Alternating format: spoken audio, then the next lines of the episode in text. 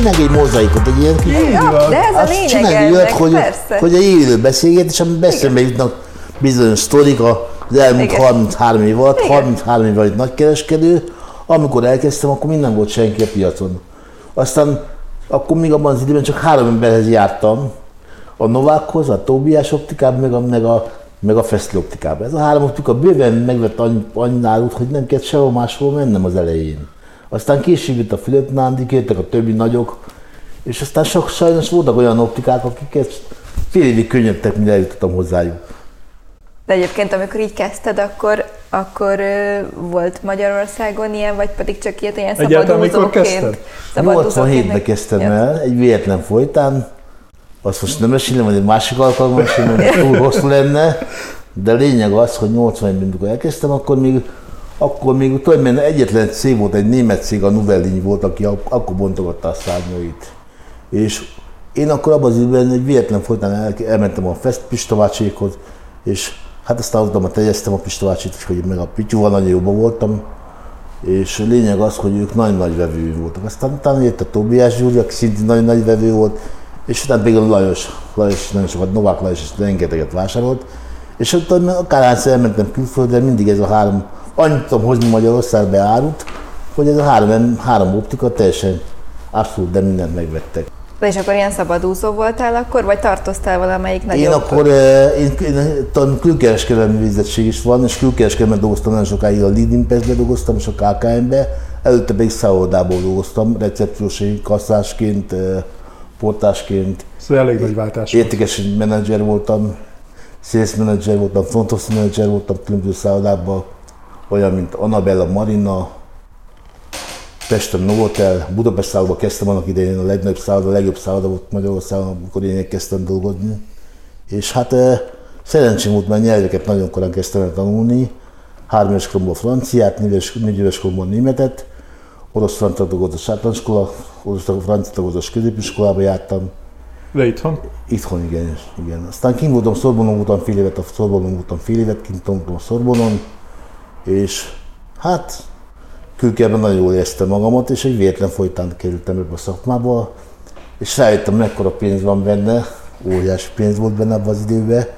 Hát volt olyan nap, hogy 1988-ban, 87-88-ban 150-200 ezer forint volt a forgalmam egy nap. Akkor megfelelt egy egy eh, nagyon-nagyon-nagyon jó autónak, vagy egy két-három nap forgalomból tudtam venni egy lakást abban az időben. Két-három forgalomból. Jó, nem, nem, Hát minden, nem akkor volt volt az tiszta. átlagfizetés, nem ilyen egy 2000 forint. per- Nem, akkor már olyan 7 6 Akkor 7 már ezer hat- forint akkor az átlagfizetés. igen, Nekem hát akkor el, el, el tudjátok képzelni, nem volt olyan durva szorzó, mint mostanában az egy- egyes nagy kereskedők, nekem mindig szolidan szoroztam, és mindig úgy gondolkodtam, hogy, hogy azért a, mind a két oldal járjon jól, és mindig inkább én engedtem általában.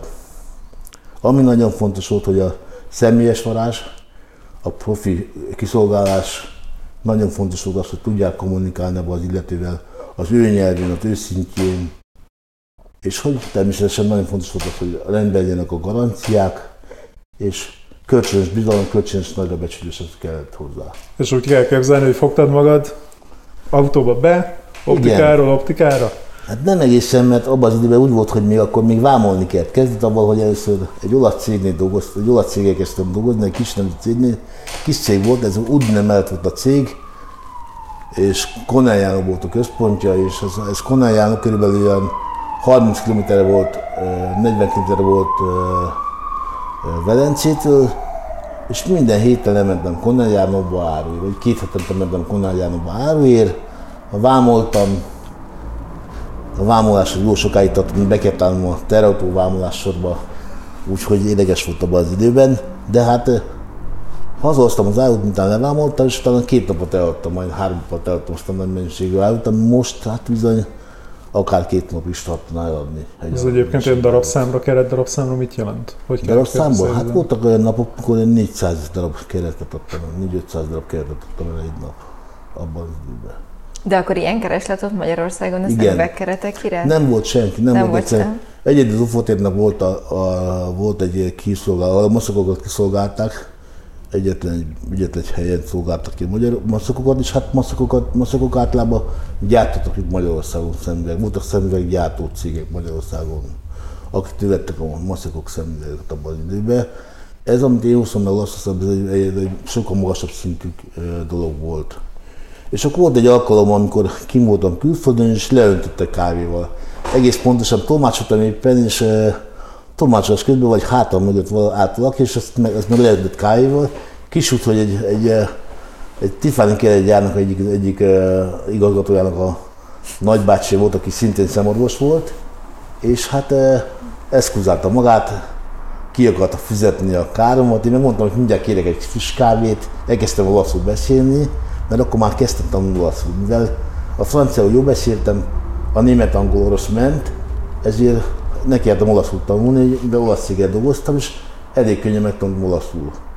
És hát abban az időben nagyon meglepődött mindenki, amikor én olaszul kezdtem vele beszélni magyarként, és mondtam a professzor úrnak, hogy semmi probléma, mindjárt hozhatunk egy másik kávét, ő meg eszkuzálta magát angolul, aztán mondtam, hogy nyugodtan beszélj, mert olaszul, én beszélek olaszul is.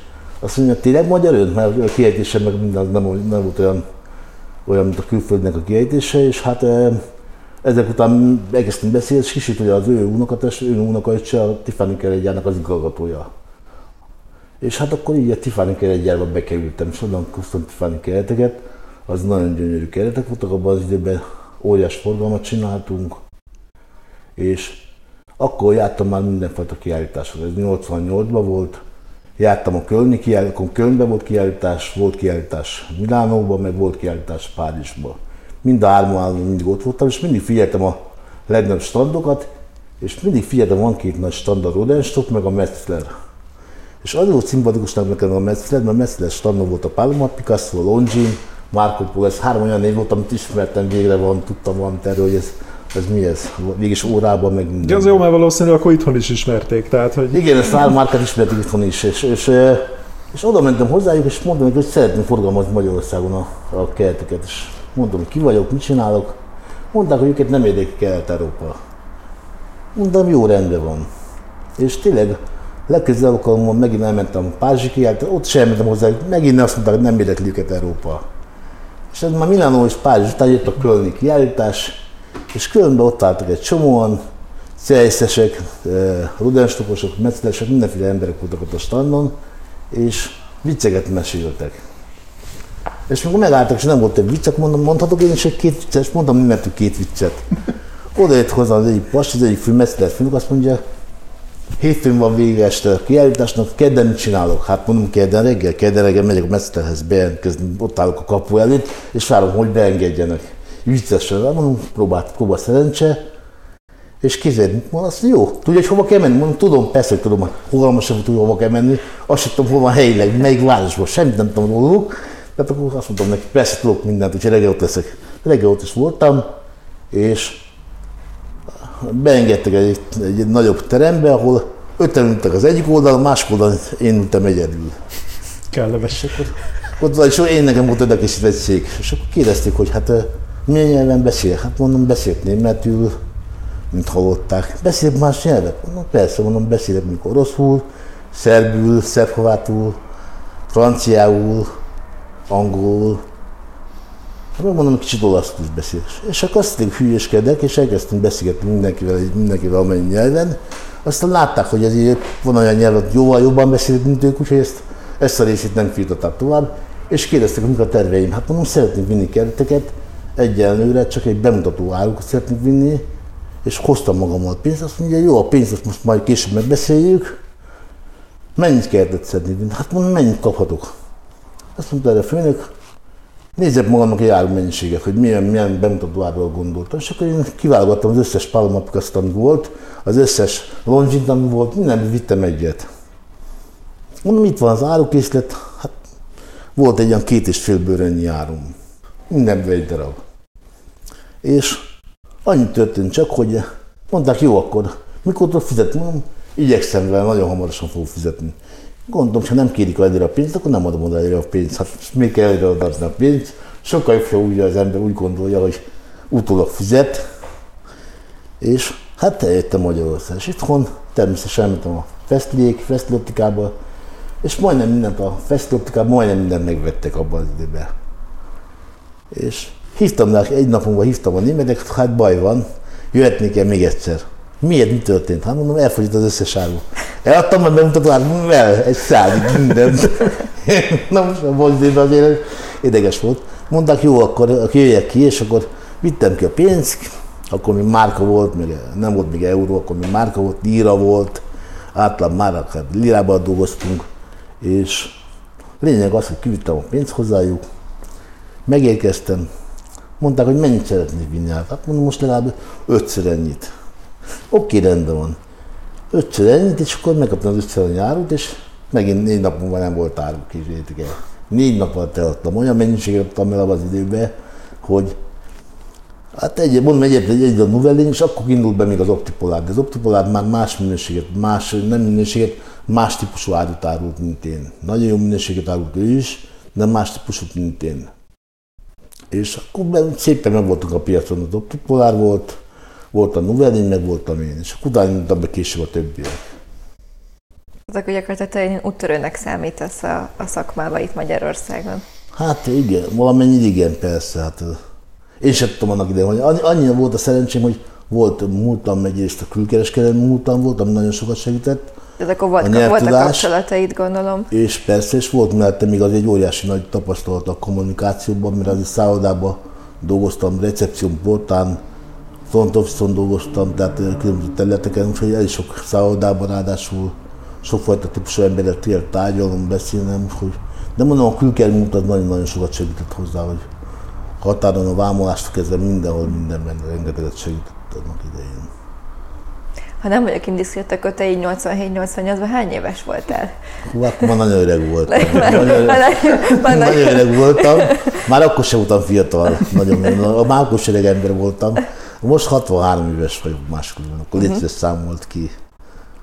Tehát akkor neked volt azért egy, egy jó pár éves tapasztalatod így mind az üzleti világban, mind, persze, mind ilyen tárgyalás technika, szem, mind a kapcsolatteremtésben, tehát úgy indultál neki igen, ennek az egész. És, és ráadásul ott kint a Metzlernél voltak nagyon jó fejlesztések, nagyon jó továbbképzések voltak, fejlesztő gyakorlatok voltak. Rengeteg tanultam a Metzler csapattól. Én még visszatérnék erre a kiállítás témára, mert mondtad, hogy már ugye régebben is, 87-88 amikor kezdted, akkor Igen. is jártál kiállításokra.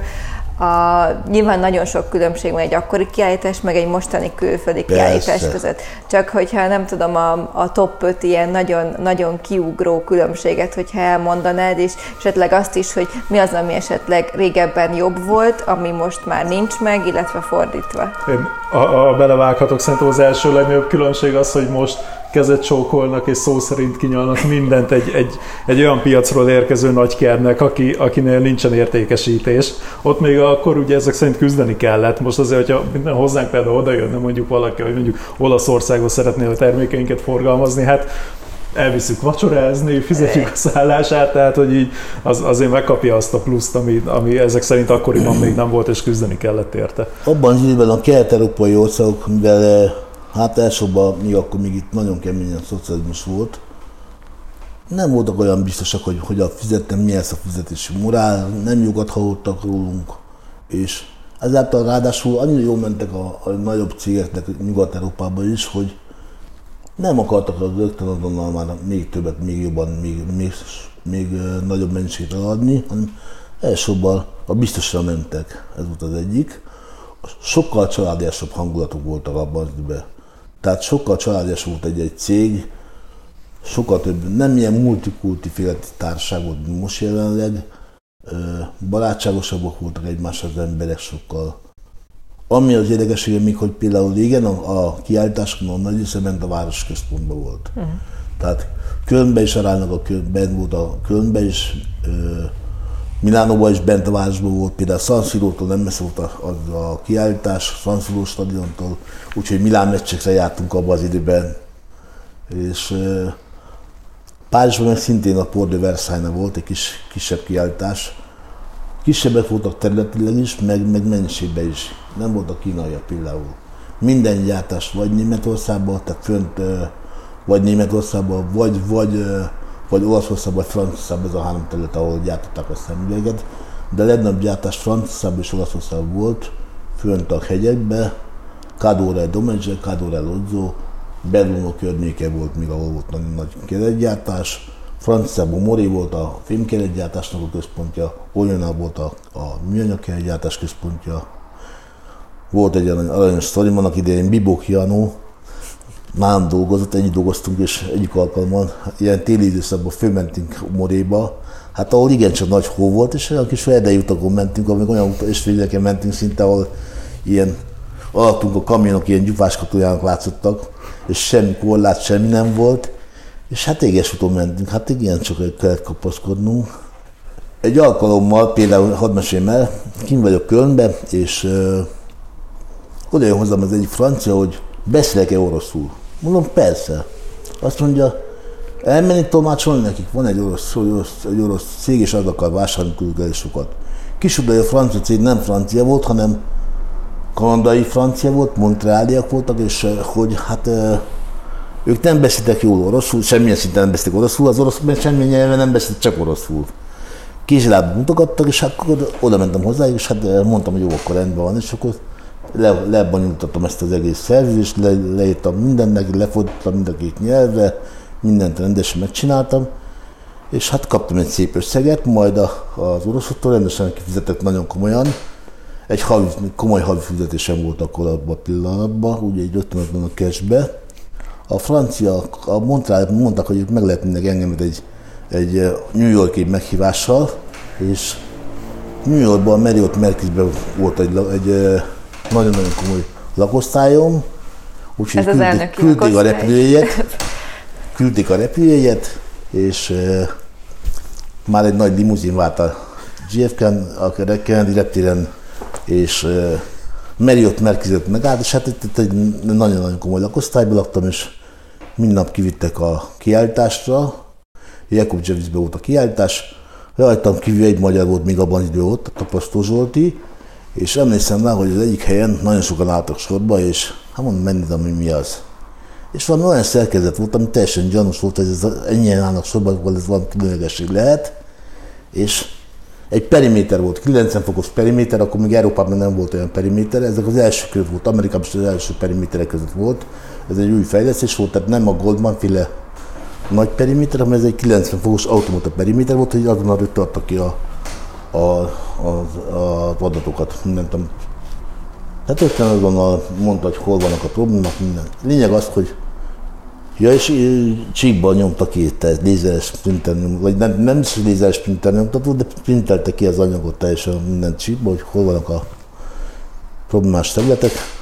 És lényeg az, hogy elmesítettem az egyik amerikaival, hogy milyen, milyen jó ez a gép, utána máskor megkezdtem, hogy hol lehet kapni, utána sehol, még új, aztán oda mentem, kis, kiszúrtam még a nagyfőnök, és elkezdtem nyogatni, hogy én meg szeretném ezt a gépet. Azt mondja nekem, nem eladó. Ez mi szinte majdnem a prototípus, nem prototípus, de az első között van ez a gép.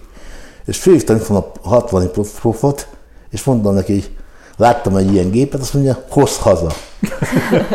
Mondom, jó, oké, de hát még egy ilyen meg sem tudtam venni. Volt, pénzem volt abban benne rengeteg, úgyhogy 5600 dollárért leakadtam 6000-ről, és az utolsó nap, utolsó percben, amikor már bezárt a vásár, megvettem a gépet, majd úgy vittem fel, a, volt Malévjárat Budapest New York között, úgy vittem fel, mint egy kisbabát, el sem engedtem egy pillanatra se, és itthon megérkeztem a hietére, és oda vittem a profit, és nagyon-nagyon örült, és hát mindenki mutogatta, hogy neki már ilyen gépe is van.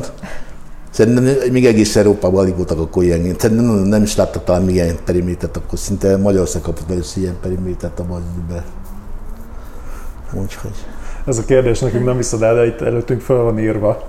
Úgy, úgy tudjuk, hogy szeretsz beszélni, és azon filoztunk a kis belső sinfoda, ugye Tianyban mi azt a sztorit így félig hallottuk, hogy ha csak egy kérdést kéne föltenni, akkor biztos az lenne, és tényleg fel van ide írva elénk, hogy hogyan lehet eljutni a kommunizmusból a Marriottnak az elnöki lakosztályába New Yorkra, és ezt mesélni. Ilyen, ilyen egyszerűen, ilyen egyszerűen.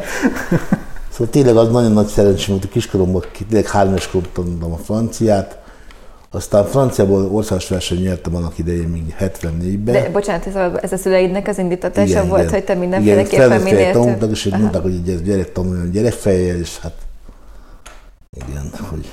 És belecsöppentél a kereskedelem részébe az optika szakmának azon, a optika részét, tehát a szakmai részét egyébként tanultad, vagy csak Igen, így A következő a sztori annak idején, hát elkezdtem 88-ban, Téglásiba osztályfőnökünk volt, Schellenberger Tamás volt az egyik osztálytársam, német Pali lánya, a német, német Ágota volt a másik osztálytársam. Lényeg az, hogy másfél év után, már majdnem vége volt az iskolának, amikor én kaptam egy ajánlatot, és ki kellett mennem Svájcba, Gentbe és Lozánba, és svájci vadászokat kellett beutaztatnunk, ami abból állt, hogy nekem ott kint el kellett mondanom, milyen vadakra, hogyan, miként, hogy, hogy működik ez az egész. És hogy mi magunk már akkor megismertük ezeket az embereket, akik jöttek Magyarországon, mi magunk voltak a kísérők is egyben. Tehát tolmácsok voltunk, attól kezdve, megértek a Ferihegyre a vadászok, mi, mi engedélyeztettük a puskákat a reptiren a, a vámnál, utána mi voltunk a sofőrök, a, be, a minden egy személyben. Tehát ilyen személytitkári feladat volt. Még a Lisztes Zoli dolgozott az Eszirodnál, amikor már hoztam le gépeket, használt gépeket Magyarországon, meg, meg komplex, komplex, komplex területeket, tehát komplex vizsgálókat, minden. Hát ezeket meg kell tanulni, ezeket a gépeket, hogy, hogy, hogy kell használni. Tehát, hogy autodidakta, meg, meg külföldön mindenhol elmagyaráztak minden nekem. Úgyhogy mivel érdekelt is a szakma, ezért el is sok mindent tanultam. Végül is ezt levizsgáztam, tehát, ami elég érdekes volt, mert mondtam Margit, hogy hát jön egy jön két osztálytársatok most az iskolába, miután már majdnem vége volt a két éves iskolának, és akkor megjelentünk Babos Noémival, mert Noémi is pont akkor jutott eszébe, ő is meg akarja csinálni ezt a sulit, és akkor hát eh, ketten úgy kilógtunk egy kis sorból, nem, nem, nagyon kedves tanáraink voltak az, az igazság. Elnézőek voltak, nagyon, hogy jó dolgunk volt. És akkoriban, amikor elkezdtem egyszerre dolgozni együtt, akkor egyébként csak itthon csináltad, vagy környező országokat is jártad? Nem, abban az még csak itthon csináltam, illetve volt Jugoszláv, akkor még Jugoszláviának hívták, ami Jugoszlávia vittem le árut sokszor. Ma ugye akkoriban elég sok ország szabadult igen, fel, és igen, nyílt, igen, igen, meg igen, a... igen, igen, Hát Jugoszláviában rengeteget árultam abban az időben, akkor Jugoszláviában, ami hát azért volt uh, szabad, mert akkor jugoszlávokat nem, nem, nem nagyon uh, uh, uh, volt kereskedelem a Metzlernek, nem volt még jugoszláv partnerük, meg nagyon sok erdélyi magyar járt át hozzám vásárolni, Erdélyből rengeteget jártak, rengetegen jártak át, de már Szlovákiában, meg Csehországban már akkor volt saját uh, nagy kereskedelmük, tehát önálló uh, disztribútorok volt, tehát oda nem szólt vinni az országban, ahol már volt disztribútor. Okay. És ezeket a játékszabályok be is tartottuk általában, be is tartottam minden esetben.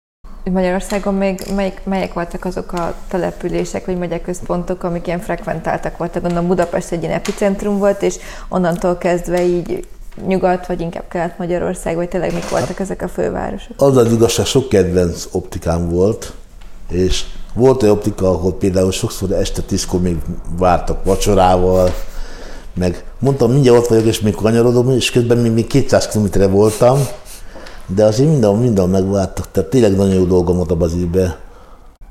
Nem csak az, hogy azért, mert vacsorákra vártak, meg hogy, meg hogy este nyolckor, nagyon sokszor a lakásra mentem a láruval, közben beszélgettünk, közben megismertem az egész családot, a gyerekeket, mindenkit, tehát egész másfajta kapcsolat volt akkor, mint ami most van általában. Azért most is vannak még ilyenek, vagy már már Igen, még mindig vannak nekem olyan vevőim, és vannak, most nem akarok neveket mondani, elég sok, elég sok nagyvárosban vannak nagyon kedves vevőim. Én pont azért nem mondok neveket, mert nem akarok senkit megbántani. De... települést mondhatsz. Tessék? Települést esetleg. Hát van egy van településben Veszprém, Pécs, nagyon kedves helyen például. De elmondhatom ugyanezt Szolnokra, elmondhatom ezt Szolnok megyében, másik, másik, másik városokat is ez a megyszeres korszak, ez meddig tartott, ha már Na, vége? Ez nagyon sokáig tartott, majdnem 20 év, közel 20 évig tartott a megyszeres korszak. És nem is volt az alatt más, csak ők? Ők voltak elsősorban, mert ez voltak más cégek is, de főleg ők voltak általában. Tehát akkor a minőségáruk volt, hogy, hogy egyszerűen volt, mikor 7-8-9 bőröndel mentem sokszor. Tehát akkor még egy bőrönd átnézése és leválogatása azért más volt, mert most már azért tehát mondom, akkor voltak olyan optikák, akik 100-200 darabokat is vásároltak. Máshogy nem dolgoztak olyan emberek, hogy Báton Gyuri dolgozott nálam, olyan, hogy Bibók János, hogy Lipai Norbi, tehát az elég, elég sok embernek eh, voltam, mondhatom azt, hogy mentora voltam. Sokszor én beszéltem rá, az, hogy nincs optikát, meg nincs újabb optikát, meg mindent. Biztos majd egyszer fogják mesélni. Úgy én nagyon sokan szerettek a szakmám, és szerettek a szakmában mai napig. Nagyon fontos. Egy biztos, sosem voltam senkivel sem irigy, rossz indulatú, mindenkinek segítőkész vagyok, bármikor bárki bármit kér tőlem, általában mindenkinek megpróbálok mindenet teljesíteni, amit kér. Olyan volt, hogy abban az időben, amikor még egyedül dolgoztam, hogy megértem délután két dolgot vagyok, és rá két napra ki délután háromkor vagy négykor értem oda, mert annyira lerúztam, el voltam csúszva, és tényleg volt olyan, abban az időben én általában olyan nap, olyan évi 130-140 ezer kilométert mentem folyamatosan 10 éven keresztül. Volt, hogy este bejutom kocsiba, reggel kiszálltam a Franciába, egész nap tárgyaltam, majd a másik hazajöttem, és kétszer, két nap alatt, másfél nap alatt levezettem 1500 km, kétszer oda-vissza, 3000 km. De egyébként ez, ez volt a nagy szó, hogy akkor is megvártak, hiszen akkor nem olyan volt a kommunikáció, mint most, hogy írtál egy üzenetet neki, vagy nem. felhívtad, mert nem volt rá nem. módod gyakorlatilag. Tehát nem. kis túlzással. Abban időben faxok voltak, tele, telefaxok voltak. Képes napot küldhettél nekik, hogy két nap múlva tudok csak érkezni. Igen. Igen. De hamarabb Nem, a telefon akkor, hála Isten, telefon akkor is működött. Nekem például az az időszak annyira volt szimpatikusabb, mert én, én mindig azt tudom mondani, hogy én mindig akartam jól tárgyalni, személyesen tárgyaltam. Tehát a, a papír kommunikációval sose vagy olyan erős, nem tudsz olyan jól élni, nem tudsz olyan jó kapcsolatot teremteni egy e-mailen keresztül, mint mikor személyesen leüsz vele, megtalálod a hangnemet, megtalálod ezt a szintet, és tudod, hogy kitapasztod a gyengét, erősségeit, minden az, ami fontos neki, és akkor úgy tárgyalsz. Nagyon fontos, hogy ezeket a dolgokat, ezeket a játékszabályokat ismer és tudja csinálni. És, és természetesen ami nagyon fontos, hogy külföldön járd el a becsületedet. Tehát én külföldön soha semmilyen cégnél nem játszottam el a becsületemet, a mai napig bármelyik cégnél, nagyon sok cég ismer. Emlékszem, amikor az egyik, egyik kedves kollégám első alkalommal kijött velem külföldre, majd lehet, hogy ő ezt személyesen el fogja mesélni, az első külföldi kiállításra, akkor záróva után kb. másfél tettünk meg kb. 20 métert, mert minden standon, mindenhol, mindenki. Mivel beszéltem nyelveket, szeretek beszélgetni, tehát oroszul, németül, franciául, olaszul, minden nyelven. És természetesen ismernek sokan, talán azt lehet mondani, legalább annyian ismernek külföldön, mint itthon. Mert amúgy is nektek egy külföldi kiállítás az inkább kapcsolatépítésre szól. Tehát, kapcsolat, tehát, hogy ti aránylag sűrűn jár, jár, járjátok az ügyfeleiteket, tehát nem kell arra számítani, hogy ott ilyen nagy eladások igen, vannak, persze. vagy ilyen idő. Most, hogy leült, akkor most már tényleg elmondom újra a közt. Mondd a Tehát üdvözlünk mindenkit, keretek közt második adás. Aki eddig nem jött volna rá, szerintem nincs ilyen, hogy a mai vendégünk az Berkes Csaba. Azt terveztük, hogy elmondom, hogy én hogyan ismertem meg Csabát. Aztán majd elmondott, hogy te emlékszel rá, vagy sem. Nem lepődnék meg, ha nem, mert is csak emlékeim vannak róla. Két évvel ezelőtt Tihanyi kiállítás, szombat délután, és az alattomos eszilor koktélok és legalább fél órát beszéltünk úgy, hogy, hogy én, én töredékén emlékszem, és mikor elváltunk, oda jött egy közös ismerősünk, és megkérdezte, hogy te miről beszéltél a Csabával ennyit? És én mondtam neki, hogy figyelj, fogalmam nincs, nagyon jót dumáltunk, nem tudom, miről beszéltünk, de hogy amúgy is ki ez az ember. És mondta a közös ismerősünk, hogy ó, nem, te nem ismered a Csabát? Hát Hát szerintem ő adta el Magyarországon a legtöbb keretet.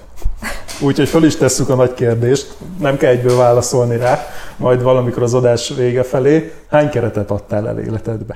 De akkor folytassuk, Metzer korszak után. Meddig tartott az, és mi követte?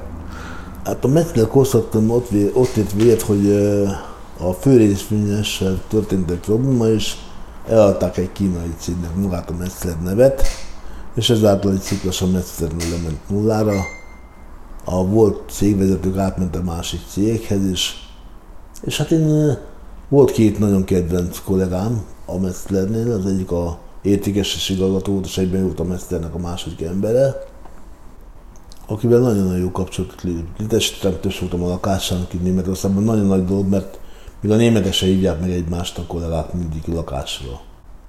És uh, nálam jóval időse volt az úr, Engedett tanultam tőle, és egyik alkalom mondta azt mondja, figyelj, megyek egy céghez, van kedvéd, gyere át, meglátjuk, mi lesz. És ez volt a Visztán. Előtte is egy pár ő általában olyanokat csinál például, hogy, hogy válságmenedzseri dolgokat is csinált. Ő válságmenedzser volt részben, tehát hogy egy cég válságban volt, vagy problémák voltak, akkor ő oda ment, és ő rendben adta a céget. Egy példát hadd meséljük el. kim voltunk Hongkongba, ja, hát igen, majd meséljük arról Hongkong időszakokról is. A 80-as évek végén, amikor még Hongkong még angol gyarmat volt, tehát még nem a kínaiakhoz tartozott, akkor nagyon jó élet volt ott. És hát mind ott is volt egy kiállítás, ahol többek között Szabó Szabolcsa is rengeteg szorink volt, de abban az időben nem nagyon sokan jártak Hongkongba se, és egyik alkalom Horovics Péterrel együtt mentünk ki, amikor a Péternek a kolléganőjének elveszett a bőröngye, és este fogadás volt, hát nem volt olyan méretű ruha, úgyhogy nagyon nehezen oldottuk meg a problémákat. Visszatérve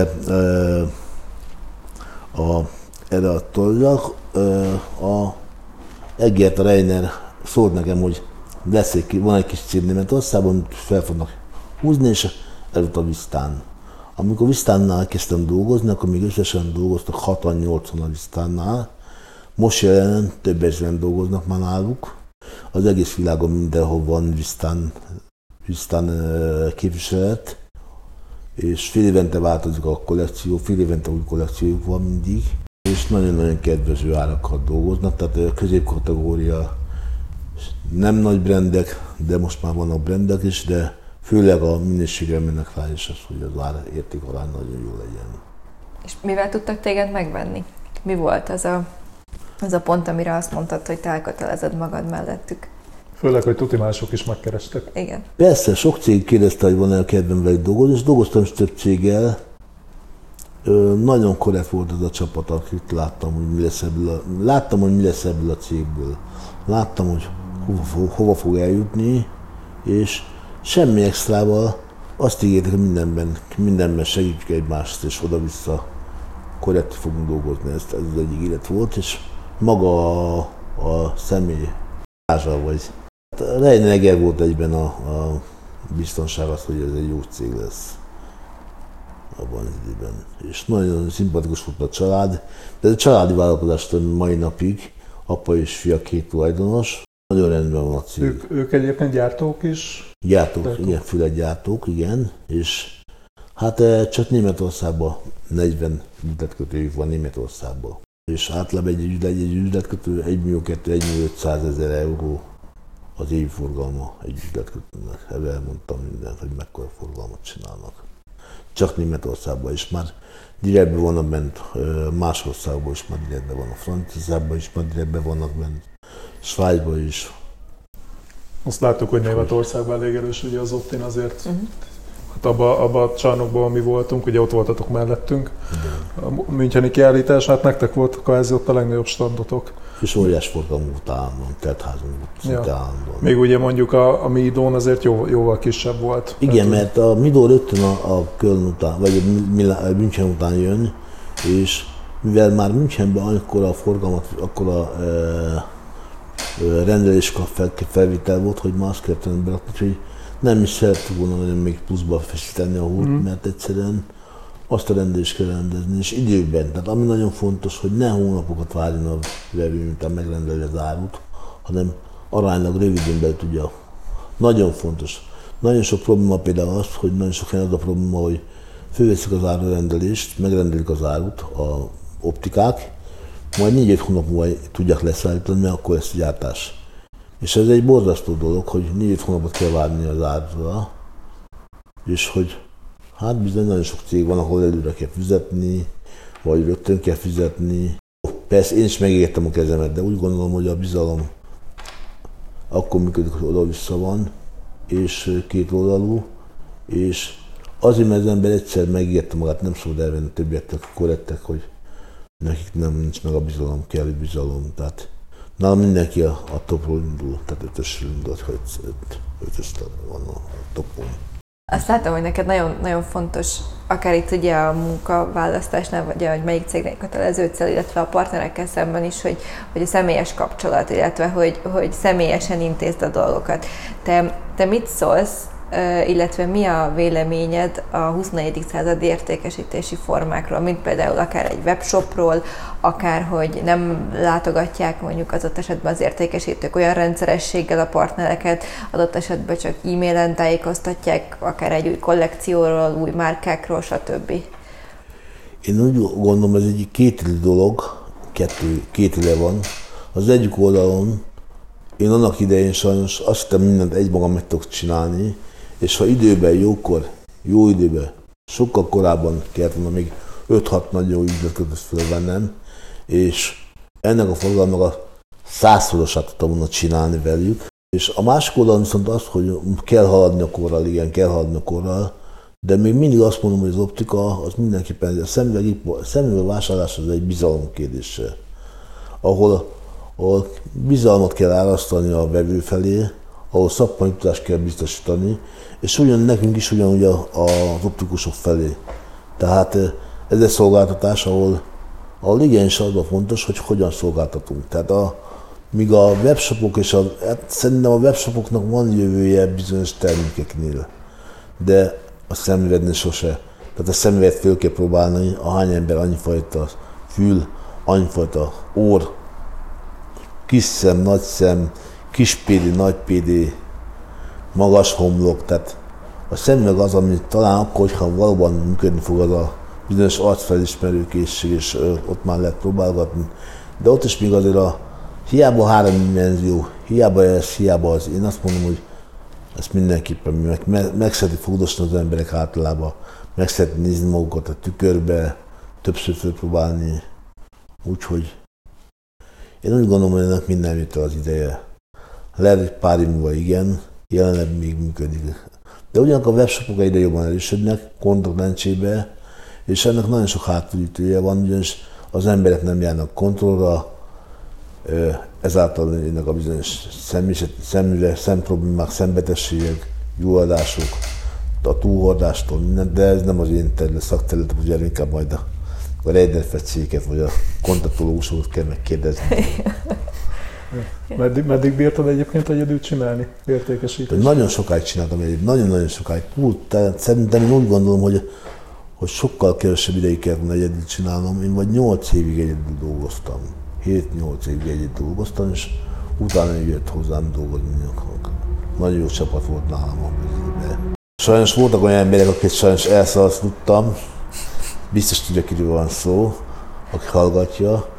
Ugyanis már akkor voltak helyetteseim, titkárnőm, mindenem volt, és hát akkor volt, amikor a cégben akár 60 és 70 és 80 is dolgoztunk, és hát bizony nem mindent én kontrolláltam, és egyik akkor mondta, hogy ben volt egy erősebb test, test, testű ember, és neki nem volt szimpatikus, elküldte. Én utóbb tudtam meg, hogy nagyon-nagyon-nagyon kinőtte magát, és nagyon kedves barátom lett, és minden alkalommal a orrom átdörgöli, hogy nekem, ne, nekem nem volt ő jó, és mondom, nem így volt az egész. Jó emberrel dolgozol együtt, tehát hogy... Mindig jó embereket. Jó, már, már mint úgy, ért, úgy ért, hogy beszéltünk a Zsoltal korábban, ugye a... Másként Bitter Zolira volt most, hát, de, de szerintem rájöttetek már. Hogy igen, igen. Zsolt nem tudom ismeri, de én igen. De Zsolt is csak jókat mondott rólad, hogy jó, mert volna rossz. nem mert rossz, nem mert rossz, nem mert rosszakat mondani szerintem. Hogy... Nem, de hogy, hogy teljes, teljesen őszintének tűnt meg, hogy így élvezi, amit csinál, hogy így jó kezekben van, tehát hogy szerintem örül neki. Igen. Sajnos öregszem az az egyetlen baj, és hogy Hát azért, én visszasírom a régi időszakot, amikor, amikor napi óriás forgalmak voltak. Tényleg. De hát most már... Meg gondolom, nem, nem csak én sírom vissza, szerintem az optikusok legalább úgy visszasírják, mert nem egy olyan optikában voltam, ahol ilyen sor állt kint az utcán, állt kint a sor, mint a mauzoleum előtt, Lenin mauzoleum előtt, és ilyen sorba álltak, és ez szinte egy percenként adták ki a szemüveget, és írták a, írták a receptet, és csináltak mindent és Öt egy nap eljöttek 100 200 darab szemüveget, és eladtak egy nap egy optika, képzeljétek el akkor időben. De ez ugye minden, minden ágazatban így van, ugye, ugye a torta ugyanakkora maradt, csak sokkal több szelete lett neki, és ugye versenyzik mindenki mindenkivel gyakorlatilag. Hát például, nem tudom, bár, bármelyik nagyobb Pesti utcán végigmész, azért elég sok optika van. Persze. Hogy... Gondoljátok el, hogy 90 már árultam Metzler kereteket, és akkor a Longin 28 ezer volt egy Longin 1990-ben. Azért az nagy nagy pénz akkor 28 ezer forint egy Longin, és vették. És az optikusok is vették, és az optikusok megvették az emberek is, pedig akkor azért más volt az ára egy 28 ezer forintos, más, más volt az értéke 28 ezer forintnak, mint most jelenleg.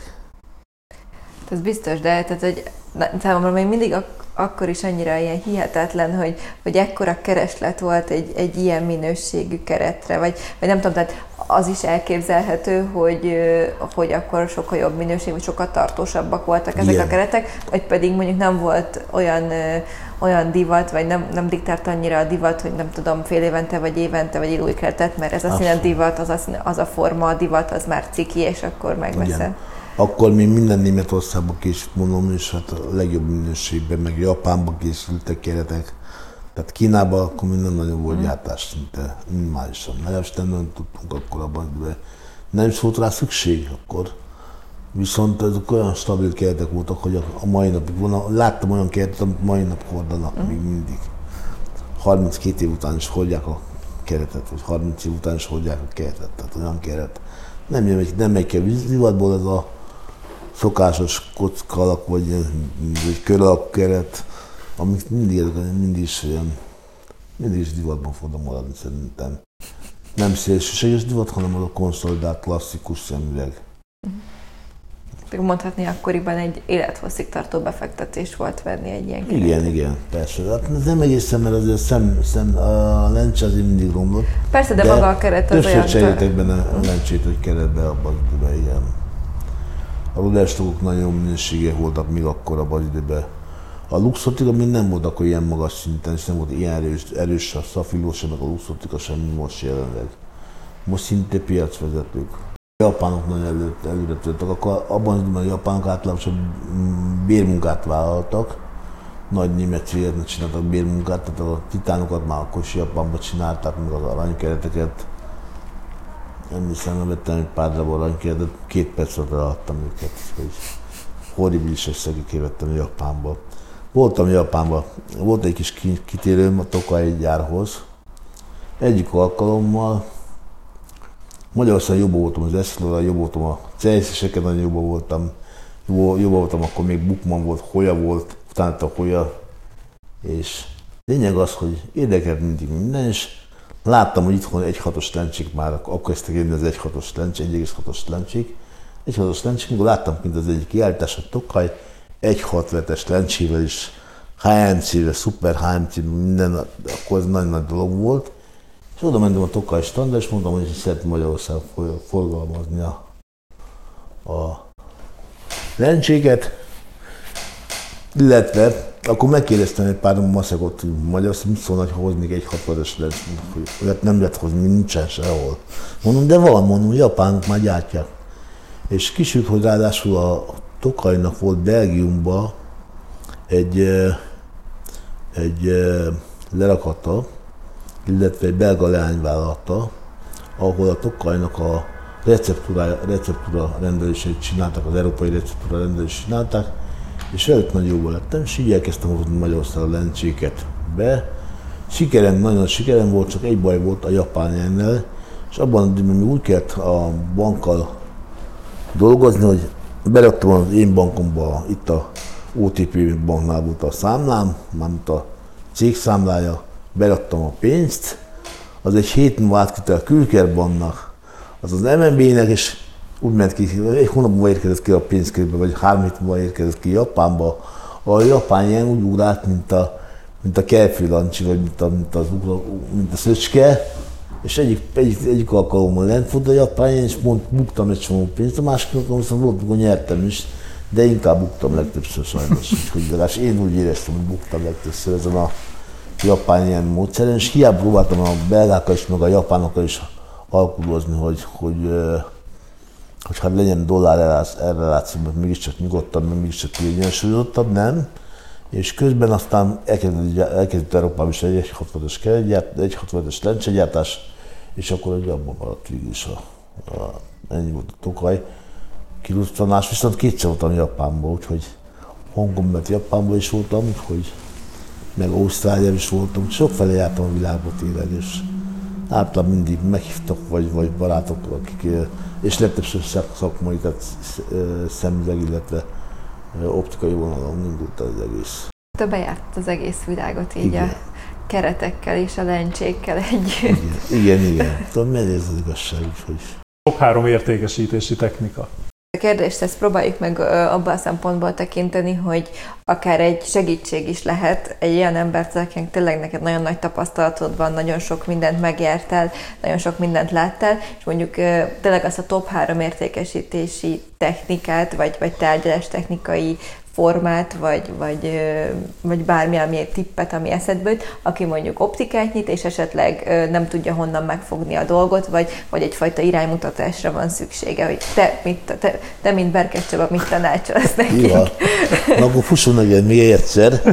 Szerintem először nagykereskedőknek, akik nagykereskedők, tehát akik most szeretnének nagykereskedést csinálni, mindenképpen nagyon fontos az, hogy milyen céggel dolgozik egy, tehát a cégnek milyenek a szolgáltatásai, hogy utána hogy hogy van garancia, a garanciát mennyit tudják kezelni.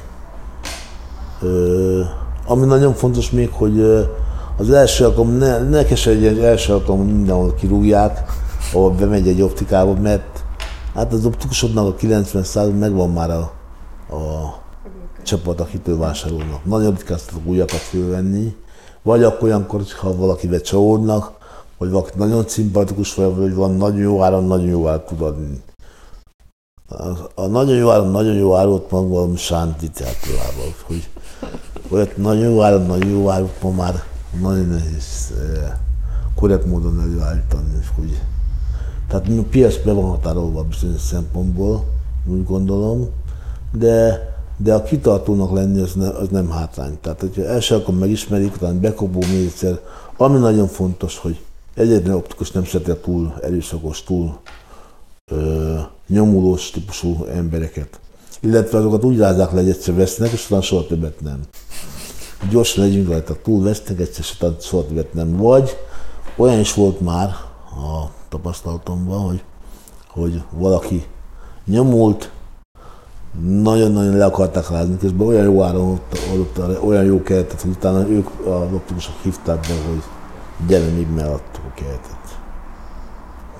Ami nagyon érdekes és fontos, hogy nagyon-nagyon sok olyan kollega van, de optikus van, aki például csak azért, azért megyek hozzá, hogy magának vegyen. Tehát nem eladásra, magának van jó, van valami jó keretet nekem.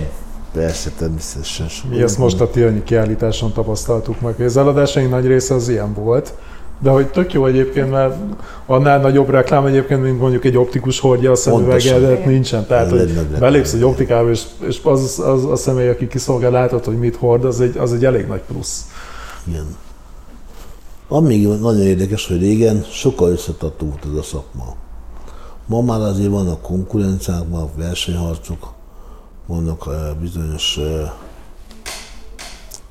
konfliktusok is néha. A legnagyobb már ott látom, hogy a web áruházak, illetve web, web vásárlók, illetve web eladók, akik webeken keresztül adnak el, és csak, csak interneten keresztül dolgoznak, lenyomják az árakat, szolgáltatás szempontján nullák, és ö, egy bizony komoly problémát jelent a mai szakmának. De el, el tudják szerinted többször is játszani a vevőnél ezt?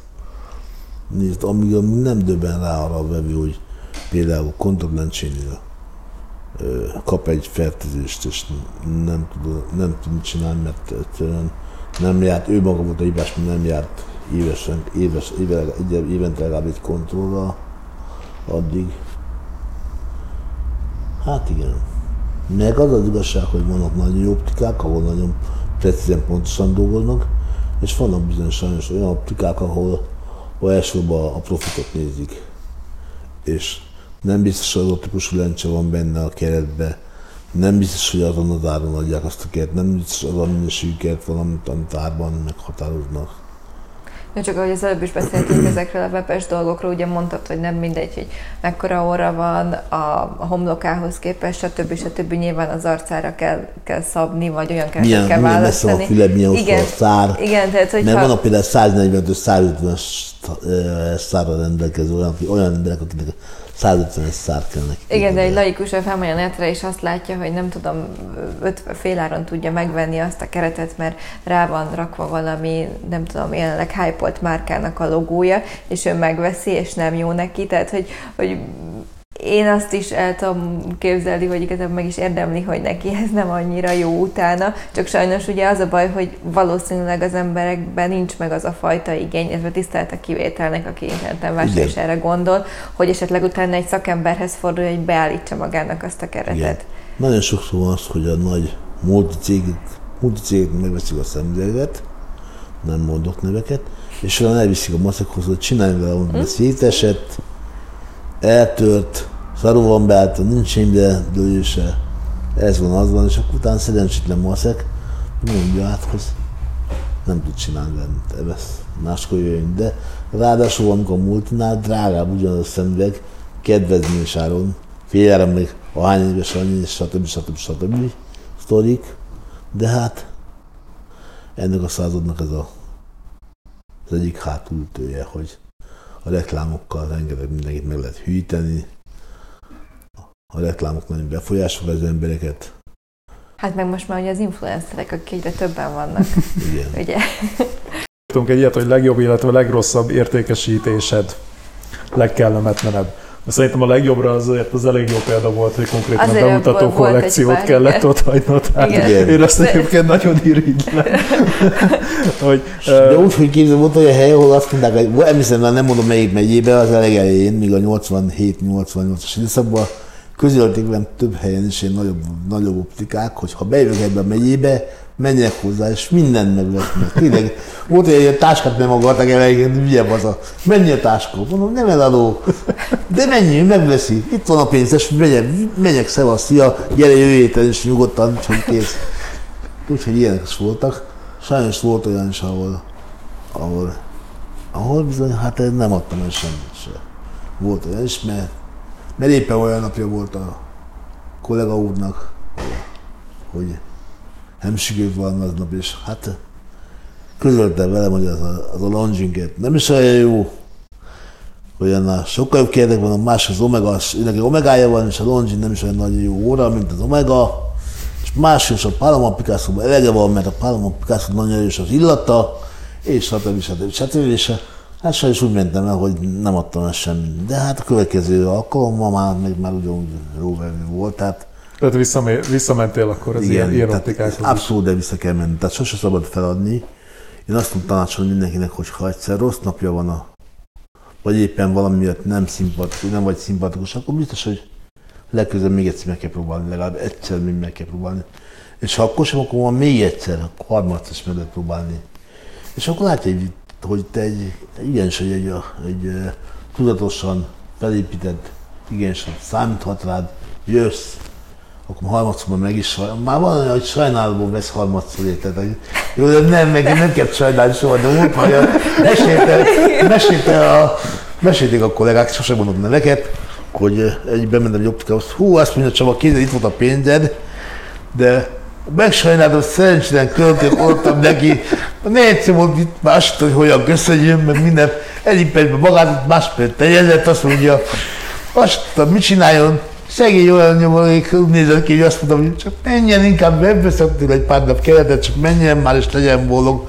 És így ezt állottam neki. Gondolom, kifizetett ennek a pénzt, és hogy majd gyere legközelebb pénzzel.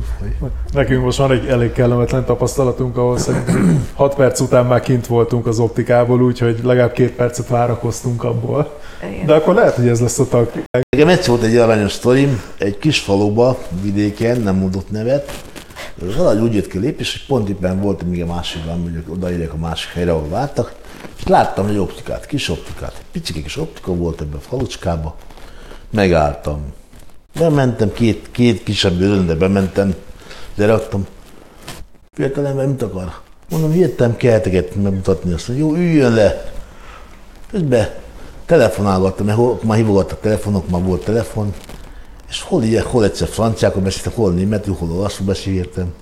Azt mondja nekem, hogy a bácsika azt mondja nekem, most milyen nyelven beszél? Mondom, most, most szerb horvátul beszéltem az egyik belgrádi ismerősemmel, azt mondja. Szakma beli? Persze, mondom, ő is, is szakmában dolgozik, azt mondja. Maga kicsoda? Mondom, Berkes Csaba vagyok. Anyjuk, anyjuk, jöjj, gyere, anyjuk, itt a Berkes Csabi nálunk. Személyesen. Lőtte azt, hogy miért nem vannak ezt a maga a Berkes Csabiját, azt lőtte, mondom, elkezd magázni, azt mondom, végig már én hogy tegyezzük mondom, de ő az idősebb, de hát aranyos sztori volt annak idején. Hát ilyen sztori is volt akkor abban időben, hogy volt olyan kollega, aki fél évig könyögött, mert elértem hozzá, nagyon jó vevőm lett, de fél évig könyögött, hogy jöjjek már hozzá eladni. Egyszerűen nem tudtam, nem voltam, nem, nem bírtam egyszerűen. Volt egy hajnaltól, később dolgoztam. Szombat vasárnapig dolgoztam, sokszor volt olyan jó világ volt akkor. Mondom, volt olyan tényleg a német pad volt, meg én voltam, meg volt a Novellin, senki más nem volt. És nagyon jó árunk volt mindnyájunknak, úgyhogy visszasít, visszasírják mindenki ezt az időszakot. Optikusok is visszasírják azt az időszakot, ne félj, nem csak mi. Mi nem éltünk benne, vagy nem dolgoztunk benne, de mi is. Az elmondások alapján Mi is visszasírjuk. ja, hát azért értékesíteni nehéz. Hát szerintem eleve az, hogy születni is kell rá, meg Igen, azért nagyon az, fontos. meg, meg azért az szakma is nincsen egyben. tehetséges, valami is fogja megtanulni. Tehát aki nincsen meg a kommunikációs tehetsége, készsége, az soha nem fogja megtanulni. Tehát ez rá kell állni egy kicsit, hogy tudjon kommunikálni, tudjon viselnékedni. Hát gyerekszó, egy bizonyos gyerekszoba az alap, hogy tudjon köszönni, belenéz a másodnak a szemébe, megtisztelje, normális szavakat használjon, nem slangbe beszélünk általában. Meg hát rendesen föltözve, normális ruhába. Mert ismertem, volt olyan, volt olyan uh, nagykereskedő üzletkötője, hogy, vagy üzletkötő, aki nagykereskedőként dolgozott, és hát rövid nadrágba jött, strampmatusba, Meg horgászbottal, nem? igen, majdnem szakadt a kereteket. Nányos kóla, itt, itt vannak a keretek, ezeket kértem magam munkol, nem tessék, itt vannak. Mikor adja már a pénzt? Jézusom. Volt már ilyen is, hát igen, szóval. Gondolkodtam rajta az elmúlt 32 év alatt, 33 év alatt, hogy írok egy könyvet erről az egész, és elkezdtem írogatni, sztorikat benne, lehet, hogy egyszer majd összeáll a kép, neveket sose fog benne írni, és nevek nem lesznek benne, de Ezt, ezt már annyiszor volt, de egyébként ez az adás címe, nem mondok nevet. Nem, Inter, inter, interjú Berkes Csabával. a Berkes sztori nevek nélkül.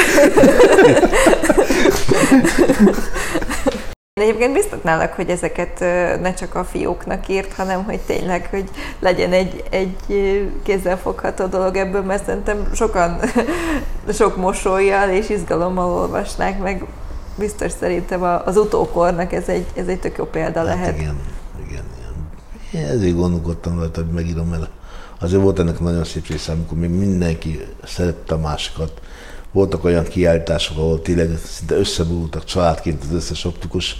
Meglátta az egyik képen Debrecenben, vagy éppen Miskolcon volt, a más Pécset volt, és úgy összeelkeztek, úgy örültek egymásnak, hogy mintha testvérek lennének, és olyan örömmel fogadták egymást. Szóval ilyen volt az őskor, a hőskor még annak idején tényleg.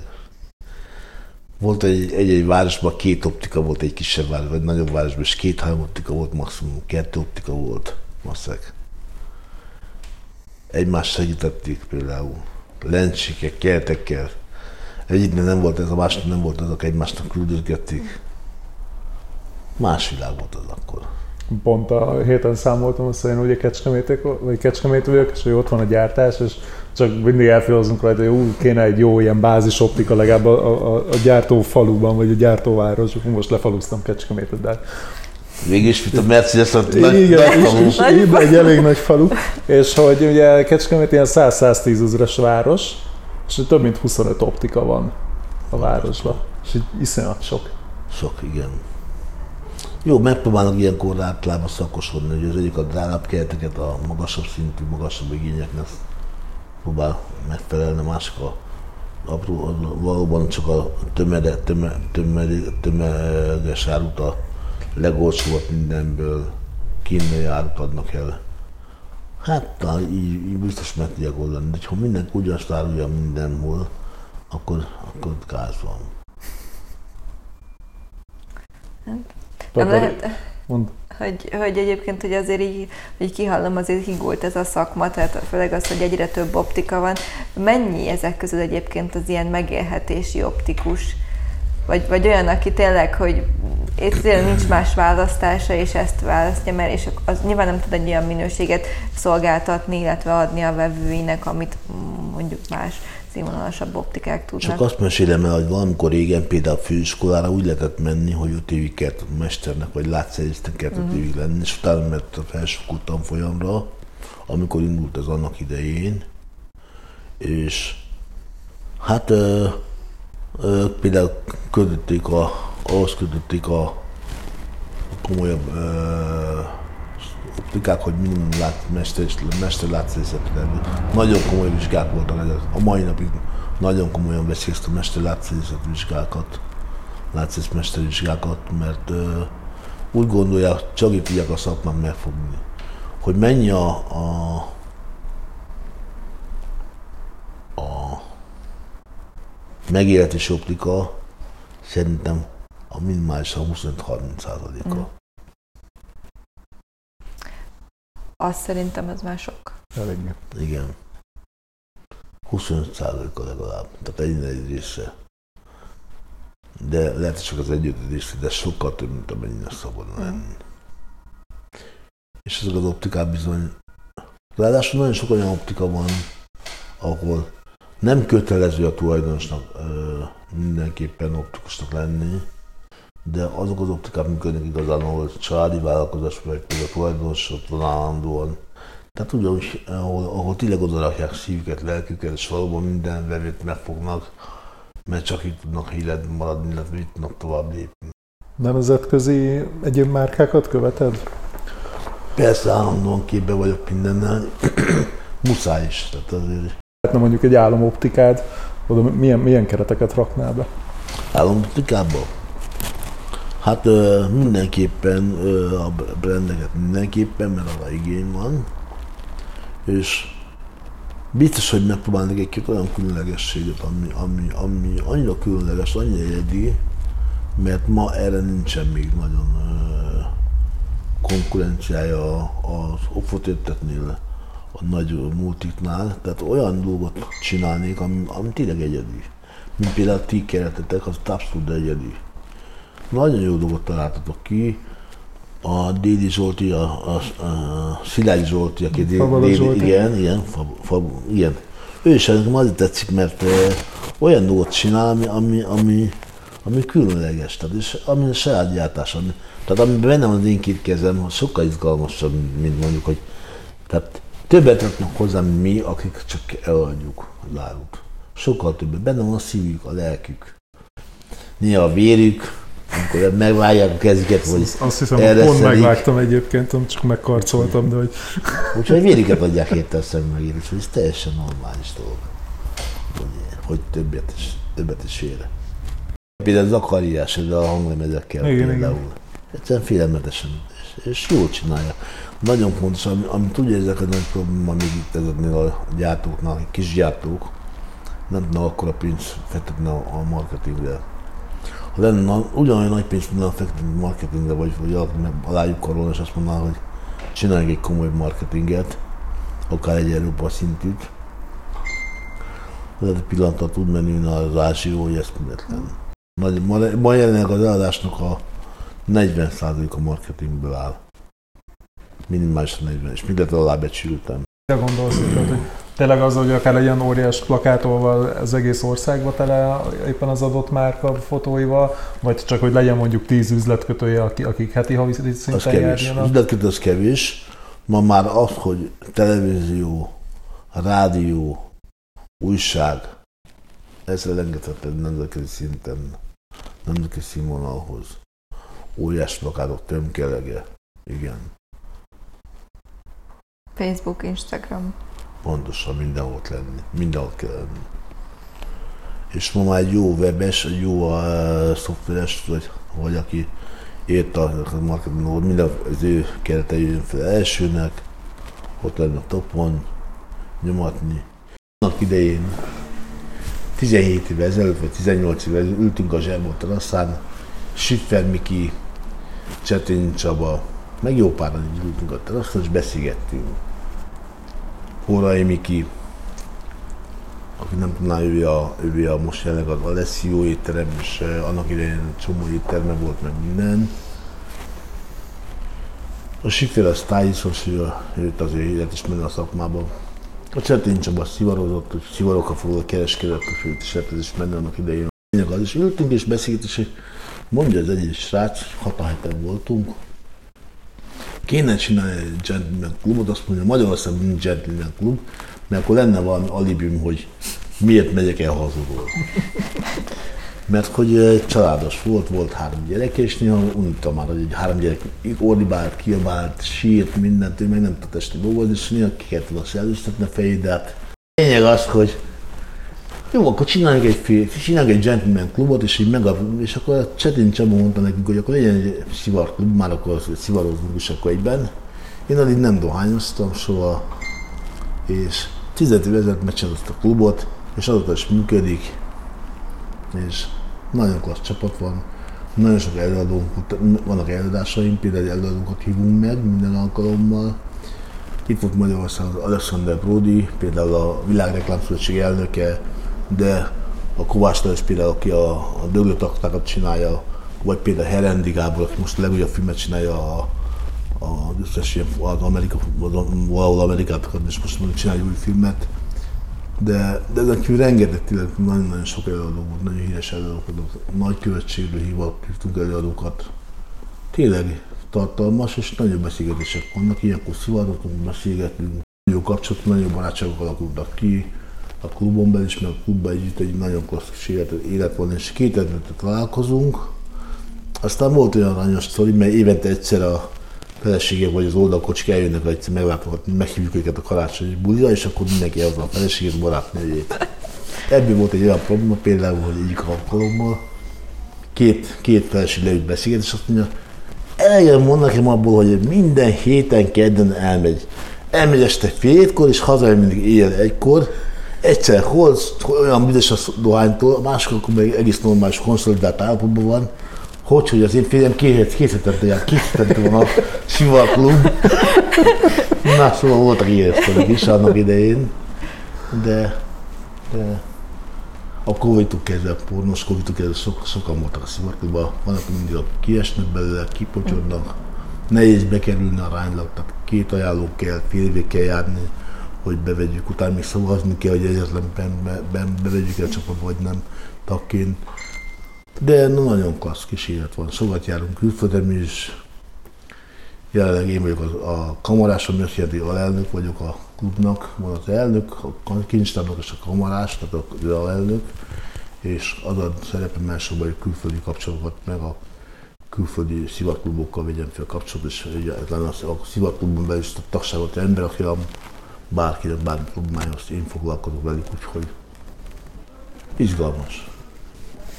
Azt az, jó az igen, voltunk, voltunk már a Szentbe, például a Svájcban, a részecske gyorsítóban, nagyon sok uh, automúzeumot látogatunk, meg óramúzeumokat, amik érdeklik általában a férfiakat, hogy helyre menjünk. De voltunk Olaszországban, borkostolókról. Ez az egyik ilyen kis kedvenc töltésem, a szivarozás. Ez nagyon jó.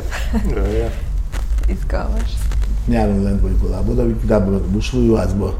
Télen nehezebb megoldani. Télen azért, mivel elég szigorúan veszi most azért a, a szivarozás szabályokat, olyan helyeket keresünk, ahol mi magunk vagyunk, és nincsen, nem zavarunk senkit ebből a szivarfüsttel. Én szerintem sokkal kevésbé káros, mint a dohány, mert ugyanis nincsen benne, mint a cigaretta, nincsen benne kártrány, tiszta dohányt, leveleket szívunk, úgyhogy ez jó minőségű szivar szívunk, úgyhogy. És olyan mindenhol, mint mindenben, mint a szemben is vannak a kopintások, vannak a, a szarminőségek, most ezt már ki tudjuk sírni, hogy a szar már fogásra, uh-huh. már a levén ránézett, ránézésre is, de késluk után teljesen egyértelműen lehet érezni, hogy most valódi szivar, vagy pedig hamisítvány, jó minőség, vagy rossz minőség, jó tárolt, vagy rossz tárolt. Ez tök érdekes. Nagyon érdekes, igen, abszolút. Köszönjük, Köszönjük a lehetőséget, igen. meg hogy válaszoltál a kérdéseinkre. Nagyon szíves, és bármikor, az, akár az optikán belül is bárkinek bármiben tudok segíteni, sok szeretettel, örömmel.